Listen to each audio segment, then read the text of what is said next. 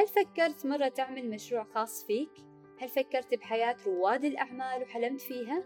طيب أكيد هناك الكثير والكثير لنتعلمه علشان نبدأ أول خطواتنا فخلينا نقترب أكثر من تجربة أصحاب المشاريع معي أنا ضبي الحراسية في برنامج حركة وبركة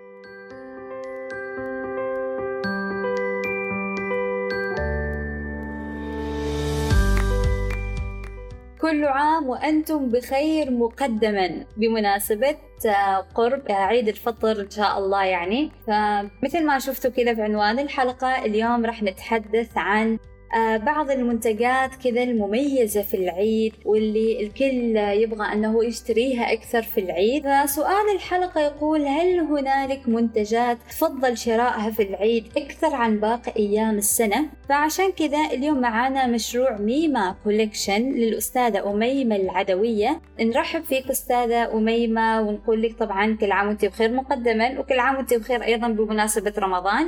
كذا two in 1 فأولا عرفينا بمشروعك وقولي لنا إيش المميز في المنتجات للعيد وكيف ممكن إنه يكون المشروع بثيم مميز للعيد أو بشكل مميز.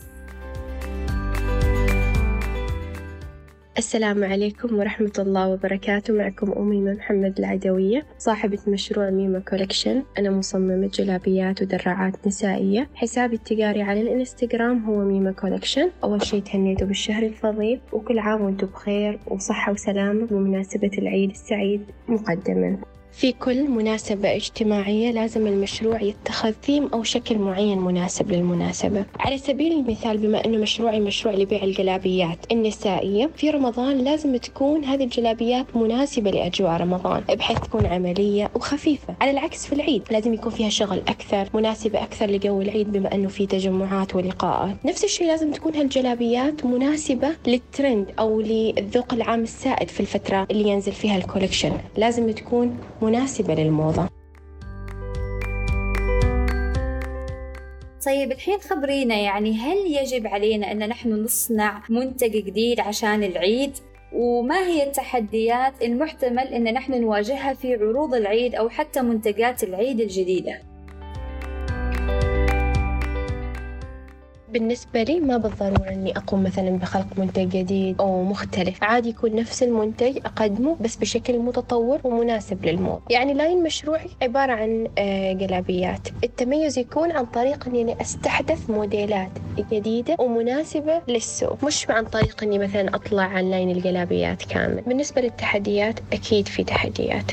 وأكبر تحدي يواجه أي شخص عنده مشروع هو كيف يجذب الزبائن له. إيش هو القد... إيش الخد الخدمات اللي يقدر يقدمها تخليه مميزة عن البقية وتخلي إنه الزبائن تلتفت له.